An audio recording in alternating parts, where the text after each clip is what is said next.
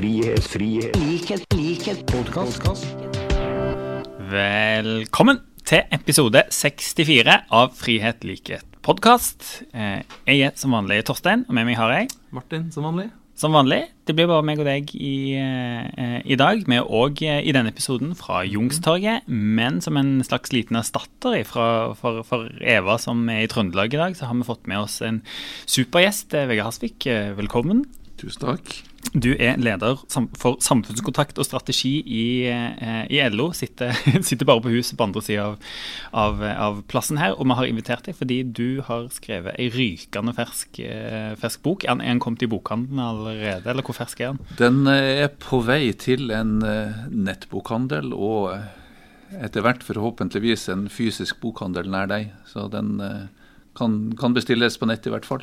Ikke sant? Boka heter 'Arven etter Erna'. Du har jo egentlig skrevet et par eh, bøker nå opp igjennom, så dette er liksom ikke din, eh, din, eh, din første bok. Men, og Martin, nå har vi jo nesten blitt en sånn bokbadpodkast, egentlig. om alt det som skjer. Det er vel kanskje fordi det begynner å nærme seg valg. Men ja, Vegard, hvorfor, hvorfor denne boka, og hvorfor nå? Det henger jo litt sammen med de tingene som jeg har skrevet om tidligere også. da. Eh, Jeg skrev en bok som het 'Blåkopi' i 2013, som handla om hvordan eh, norsk Høyre framsto nesten parodisk likt eh, høyrepartier i, i andre land i måten de snakka om politikk på. Og spådde at eh, når de først kom til makt, så ville det vise seg at eh, jaggu ville de ikke føre høyrepolitikk eh, når de kom til makta, likevel, Likevel. selv om de hadde De lagt opp det, eh, ja. retorikken sin. Eh, jeg har skrevet om høyrepolitikk og språk, hvor dyktig eh, høyresiden har vært til å bruke språk som verktøy eh, i den politiske debatten, og har lykkes veldig godt med det. Eh, men nå eh, var det på tide å gjøre opp regnskap, da. Ja, ja, ja. Etter eh, åtte år med eh, høyrestyre. Hva er det som faktisk har skjedd? Eh, og det er jo sånn at i det politiske ordskiftet så er det én sak og to saker som dominerer over en kort periode, og folk er i harnisk over kutt og nedskjæringer eller omlegginger av ordninger. Og så varer det fram til vedtakene er gjort og kl- klubba er falt, og så avløses det av nye saker som eh, tar opp oppmerksomheten til folk. Så eh, det jeg har opplevd, er jo at folk har glemt mye av det som faktisk har skjedd i disse åtte årene. Både av de små tingene, som til sammen blir store samfunnsendringer, og av de strukturelle grepene eh, som påvirker oss eh, som, som samfunn. Eh, du har den såkalte Linda Katrine Hofstad Helland-doktrinen om at eh, målet er å klemme så mye tannkrem ut av tuben at ikke Arbeiderpartiet bare kan komme og putte det tilbake igjen. Det har jo ligget under Ja. Hun, mye av hun det var de vel den første som hva skal jeg si, Hun sa det vel rett ut, på en måte. Det Hun sa, det, hun sa det rett ut. og det er jo, det er jo sånn at eh, Av og til så ønsker man jo at eh, høyrefolk eh, kunne gjøre det lettere for oss ved at de faktisk sto opp for den politikken de, de gjennomfører. Det vil jo vært et litt ærligere politisk ordskifte, vil jeg mene. Men hun, hun sa det, sa det rett ut. Og de har jo gjennomført en god del grunnleggende samfunnsendringer. Og i, i boka så bruker jeg jo også et, en oversikt som kalles eh, på huset hos oss den omvendte Robin Hood-listen, som Samfunnsøkonomisk avdeling i LO har gjort, ved å, å følge da kuttene som de har gjort fra 2014 til 2015 til 2016 til 2017 til 2018 til 2019 og 2020, eh, og summere opp år for år og se hva de faktisk, eh, hva de faktisk har eh, dratt inn av ja, ting som rammer vanlige arbeidsfolk Mm. og de som har bruk for hjelp. da. Ja, jeg, jeg, det er veldig bra at du har skrevet denne boka, for det som du sier, jeg tror vi, tror vi trenger det. Å liksom bli minnet på.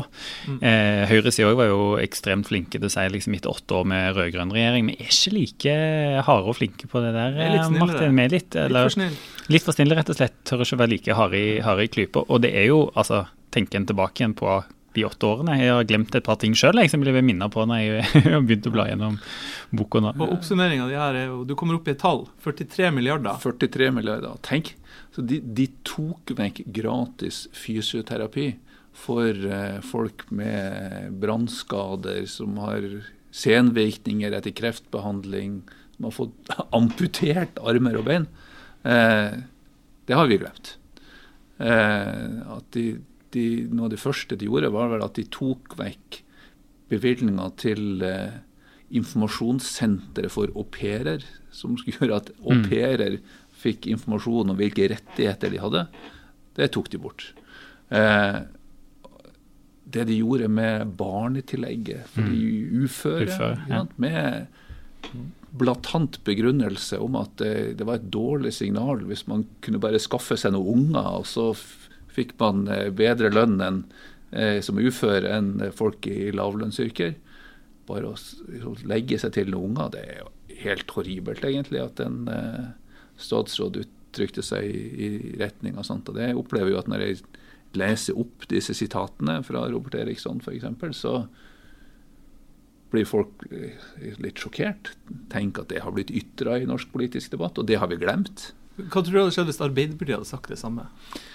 Eh, nå ville vi jo aldri ha uttrykt oss på en sånn måte, eh, verken er det- fra LO eller Arbeiderpartiet. Men jeg, jeg tror at, at eh, det i den politiske debatten man opererer med sånn forskjellige forventninger til ulike partier. da. Sånn at eh, rommet for ja, Arbeiderpartiet når det gjelder seriøsitet og treffsikkerhet og, og etterrettelighet i, i det man sier, eh, den lista ligger mye høyere enn ja, for eksempel Fremskrittspartiet da, og til dels Høyre. og at man, Jeg er ganske man sjokkert over at det fortsatt gjelder, på en måte. Altså, Ja. jeg, jeg tenkte liksom I starten så er det sånn Ja, jeg tar litt tid for journalistene og liksom eh, verden til å områ seg, men uh, sjøl Det går gjerne oftere og... nøyere nesten eh, etter Arbeiderpartiet sine alternative budsjetter eh, enn eh, forslag fra regjeringa og regjeringspartiene. Det ser vi da. Absolutt. og Vi husker jo valgkampen, valgkampen i 2017. Eh, hvor eh, man gikk sånn nærmest med aktuarisk grundighet etter eh, Arbeiderpartiets skattepolitikk. Eh, mens eh, Høyre slapp unna med å lage artige videoer der de bakte pizza og bakte kake, og den blir større, og hei og hopp.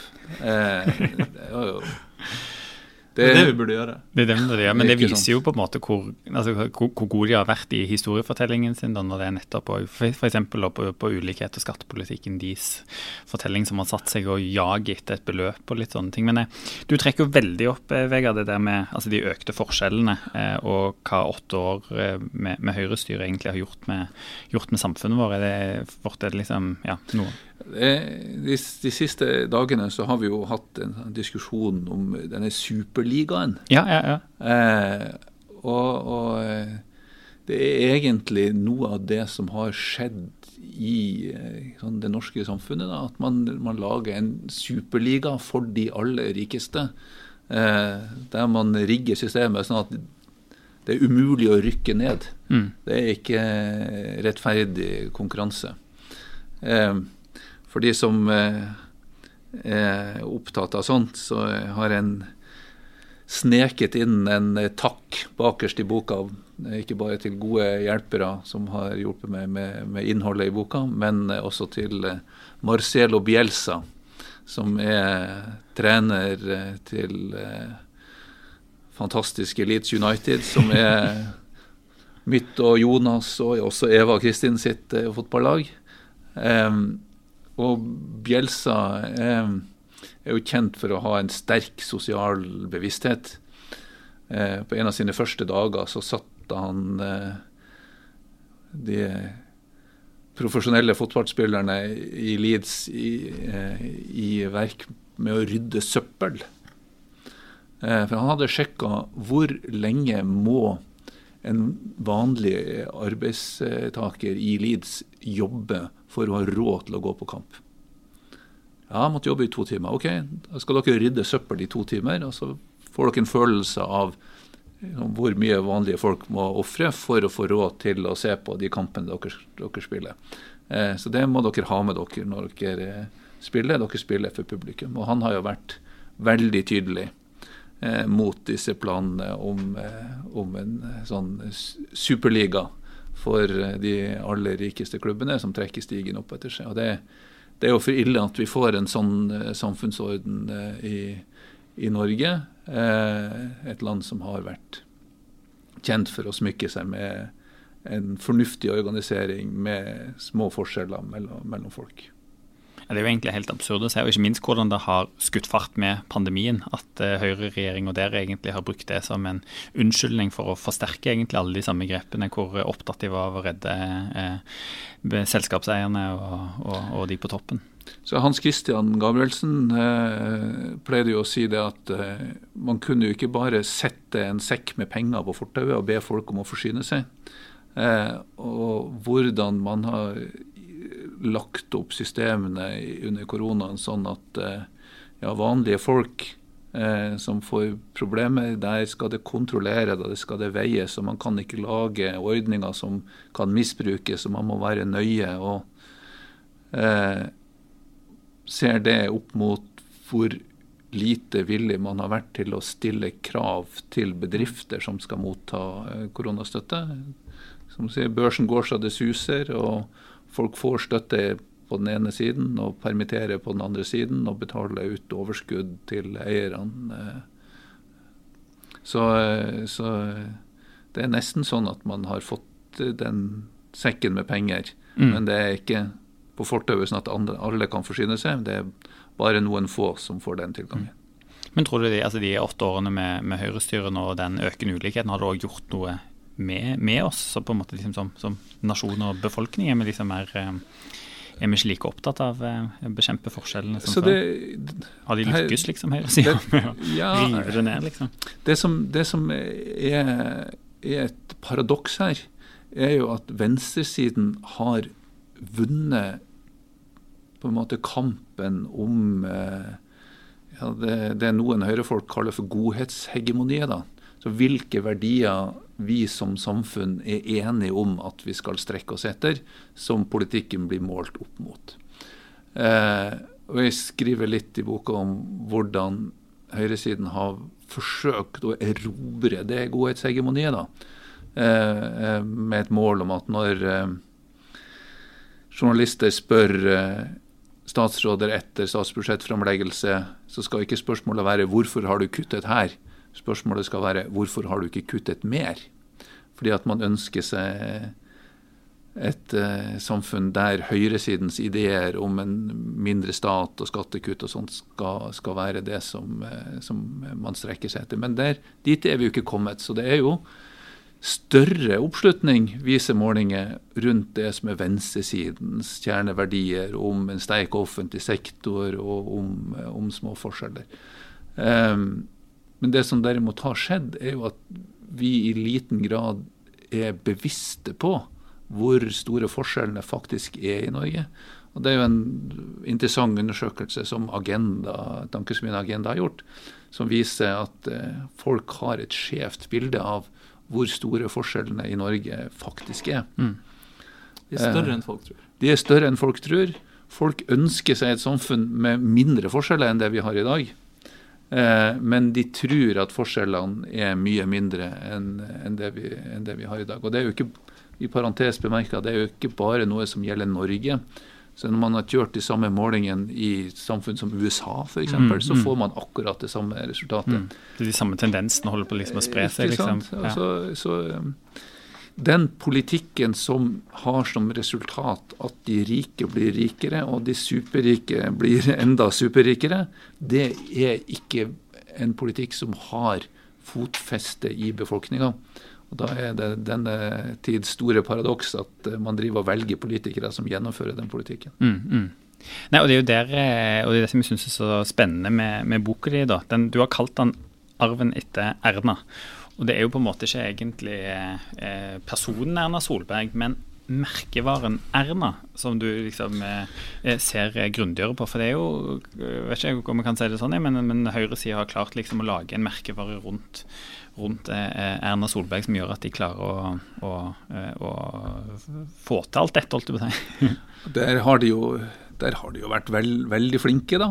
Eh, og jeg beundrer jo egentlig hvor dyktige høyresiden har vært, og kommunikatorene i partiet Høyre, i å, å bygge opp ja, merkevaren, merkevaren Erna. Eh, men det igjen er noe som vi ser i veldig mange land, og som henger sammen med det jeg snakka om tidligere, at det er ikke noe oppslutning og rop i befolkninga etter den politikken som skaper større forskjeller. Eh, så Derfor så vil man jo gjerne at valget skal handle om andre ting. Mm. Eh, og da er jo personvalg da mm. noe som gir større rom for høyresida. Der folk skal stemme på hvilken politiker man liker best, hvem som har det mest eh, folkelig rotete på kjøkkenet, eller hvem som danser utstudert, uhøytidelig eh, foran eh, Akershus festning og, og sånne ting. Eh, det som forundrer meg kanskje litt, det er jo at media i så stor grad lar Høyre få lov til å drive sånn type merkevarebygging da, uten å gå politikken tøffere på klingen. da. Hva, kort oppsummert, på en måte, hva, det, hva har vært målet deres med merkevaren Erna? Nei, det er jo å løfte personen, statsministeren, over det daglige kivet i eh, mm. politisk debatt og bli en samlende figur. da. Eh, og Vi ser jo også hvordan de nå forsøker å politisere koronakrisen og håndteringa av koronakrisen. og knytte det opp til liksom, tilliten til eh, statsministerkandidaten sin. Mm, mm. Eh, og det har de i hvert fall hittil. da. Så det kan være ting som tyder på at det, det er i ferd med å slå litt sprekker nå på oppløpssida, men de har i hvert fall hittil lykkes veldig godt med det. Mm. De er veldig opptatt av å si til alle oss andre at vi ikke må politisere koronakrisen. Ikke sant. Det er jo fordi de vil gjøre det sjøl. De vil ha monopol på politiseringen. men de har greid å bygge et um, et, et, bilde av Erna som en samlende leder. Og, og, samtidig så er det litt påfallende at når det kommer vanskelige saker, da, da Erna med sin elefanthukommelse, hvor mange ting hun ikke husker plutselig, enten trygdeoppgjør eller beredskap. Frihet, frihet, likhet, likhet, podcast. Men hvis du ser bort fra det liksom, økonomiske forskjellene som du snakker om, eh, kutt og skattekutt, hva, hva, mener du er den liksom, Hva tror du er arven etter Erna på liksom, eh, norsk politikk? Måten vi driver politikk på? Det, er jo, det, er jo, det at man har eh, trukket inn sånn ytterpartiet, Fremskrittspartiet, inn i varmen og gitt dem all den legitimitet eh, og anerkjennelse som ligger i det å, å sitte, sitte, i regjering og bekle de tyngste postene i, eh, i norsk, norsk, samfunnsliv. Eh, så Per-Willy Amundsen, som eh, har snakka om korstog, har altså vært den øverste ansvarlige for statens voldsmonopol. Det syns jeg er ganske, det synes jeg er ganske, ganske fantastisk. Den påstanden har måttet dele med syv andre justisministre. Ikke sant. eh, og Jeg ser jo at Solberg sjøl sier at uh, hun håper at, at hennes arv skal være at hun har dratt Høyre nærmere sentrum. Mm. Eh, men sannheten er jo at man har bredda ut høyresiden under hennes ledelse da, og gjort det som høyrepartier i, i, i alle land eh, gjør. Eh, det er ganske forutsigbart. Det dukker opp et eh, parti til høyre for Høyre. Det blir møtt med besvergelser om at man eh, ja, umulig kan samarbeide med et slikt parti. Vi deler ikke menneskesyn Som Erna Solberg skrev en lang kronikk om ti grunner til å ikke stemme FRP, eller til ikke samarbeide med Frp. skrev kronikk om eh, for 10, 15 år siden. Men så blir de avhengige av stemmene fra disse partiene. Og det viser seg at for alle høyrepartier så er det viktigere å samle støtte til det de ellers skal drive med, altså skattekutt og privatisering, det er viktigere å samle støtte til det og få gjennomført det, enn å holde de liberale fanene eh, høyt. Altså, det har vi sett i Danmark, det har vi sett i Finland. det har vi sett i, altså, Og nå, nå holder jo svensk høyreside på å integrere seg med Sverigedemokraterna, som jo har røtter eh, tilbake til eh, gammel nazisme. Så det, det finnes egentlig ikke, ikke, grenser. Og det, det har flytta eh, rommet for hva som er anstendig i, og, og, og tålbart i eh, norsk offentlighet. Eh, og har flytta det rommet godt ut på, på høyresida. Så det er en veldig viktig arv etter de åtte årene som vi har hatt. Ja, og at vi nå er i en politisk situasjon der når det kommer veldig drøye utsagn eh, og til dels ekstreme utsagn fra enkeltpolitikere i Fremskrittspartiet, så er det få motstemmer fra Høyre eller regjeringspartier. Da er det, det er liksom den, den, jobben med å ta til motmæle mot det blir overlatt til, til, andre. Ikke sant. Og de, og de vet jo det. At de, de trenger et Fremskrittsparti på 12-15-16% hvis de skal ha håp om å bli sittende i regjering. Eh, så det er svært lite troverdig når eh, folk i Venstre og KrF rynker brydene og er bekymret over ting fra Frp. Eh, hele prosjektet deres er avhengig av at de greier å hente inn og mobilisere de stemmene. Men jeg syns det er litt sånn fascinerende det du sier, Vegard, om at egentlig Erna Solberg har leda litt an i Europa på å hente inn høyrepopulister i regjeringen, egentlig at det er hun som nesten har brøyta vei? Det er jo ikke så mange andre land som man faktisk har henta dem, eh, dem, inn i, i regjering. Nei, det, det, er jo riktig. Og vi, så, og vi husker jo hvordan eh, man holdt en pressekonferanse for utenlandske journalister når Fremskrittspartiet kom inn i regjering, fordi man skulle overbevise dem om at det norske Fremskrittspartiet var noe helt annet enn høyrepopulister i, i andre land. Eh, og Heikki Holmås var en liten friskus som burde passe munnen sin, som eh, Solberg sa når eh, han kalte dem for eh, Fremskrittspartiet for, for høyre, høyrepopulister. Eh, og eh, Kjetil Solvik-Olsen, mm. var det vel, som mm. eh, tok avstand fra begrepet snikislamisering. Det holdt jo ikke lenge. Nå de, slenger de om seg med det begrepet på, på nytt igjen.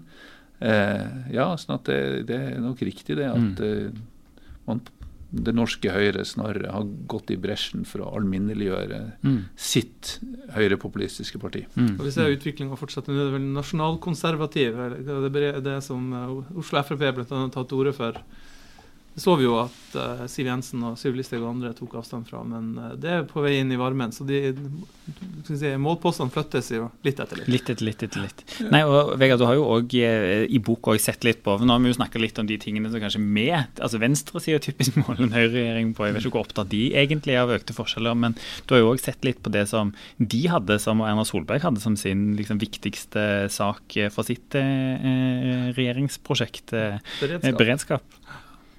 Ja, der må man vel si at eh, man, å, man har vært svært langt fra å levere det man, eh, det man forespeilte. Mm.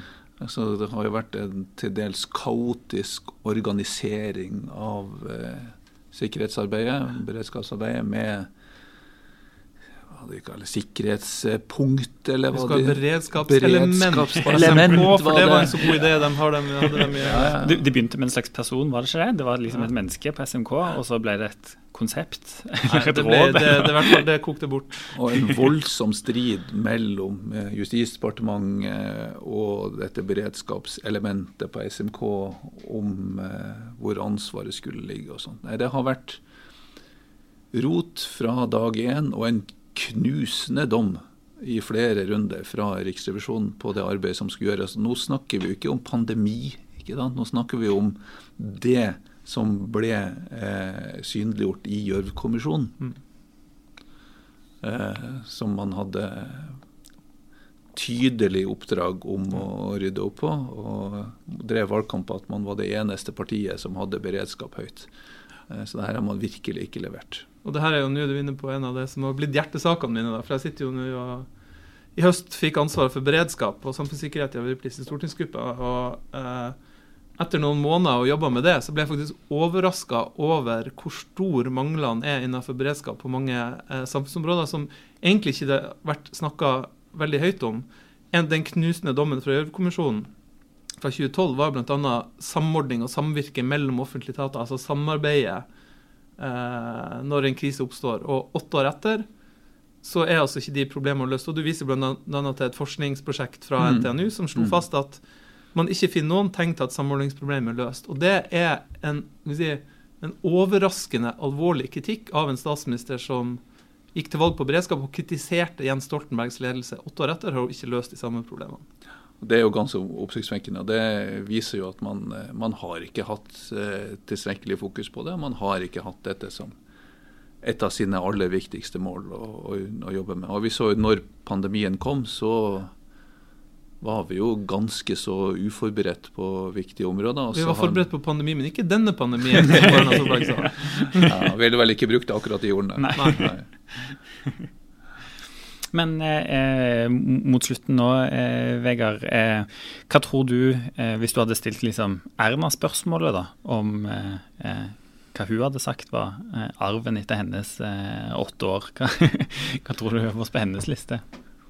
Eh, Jeg tror jo at de, de er fornøyd med å ha fått til en del av de grunnleggende samfunnsendringene de håper. Så det som er solgt, det er solgt. Det er vanskelig å, å gjøre om igjen. ja. Eh, og det å hente tilbake 43 milliarder i, i, i kutt er jo noe som ikke er gjort på, på kun kort tid.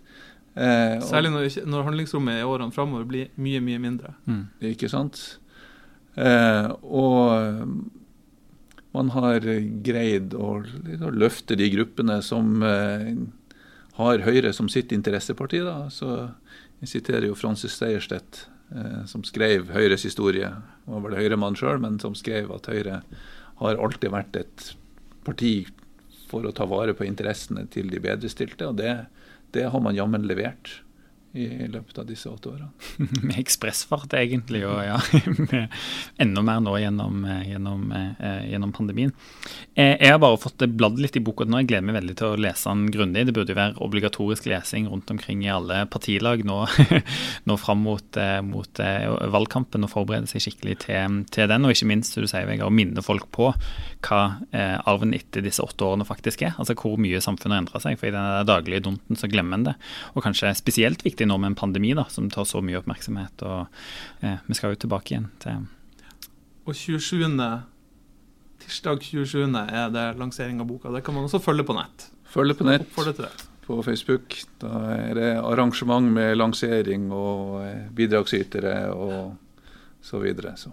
Og boka kan kjøpes på nett. Den må kjøpes. Den er, hiver, deg over en eh, nettbokhandel både, både her, og, her og der. Vegard, tusen takk for at du kom og ville dele litt fra den nye, ferske eh, boka di. Eh, vi ses plutselig. Vi ses.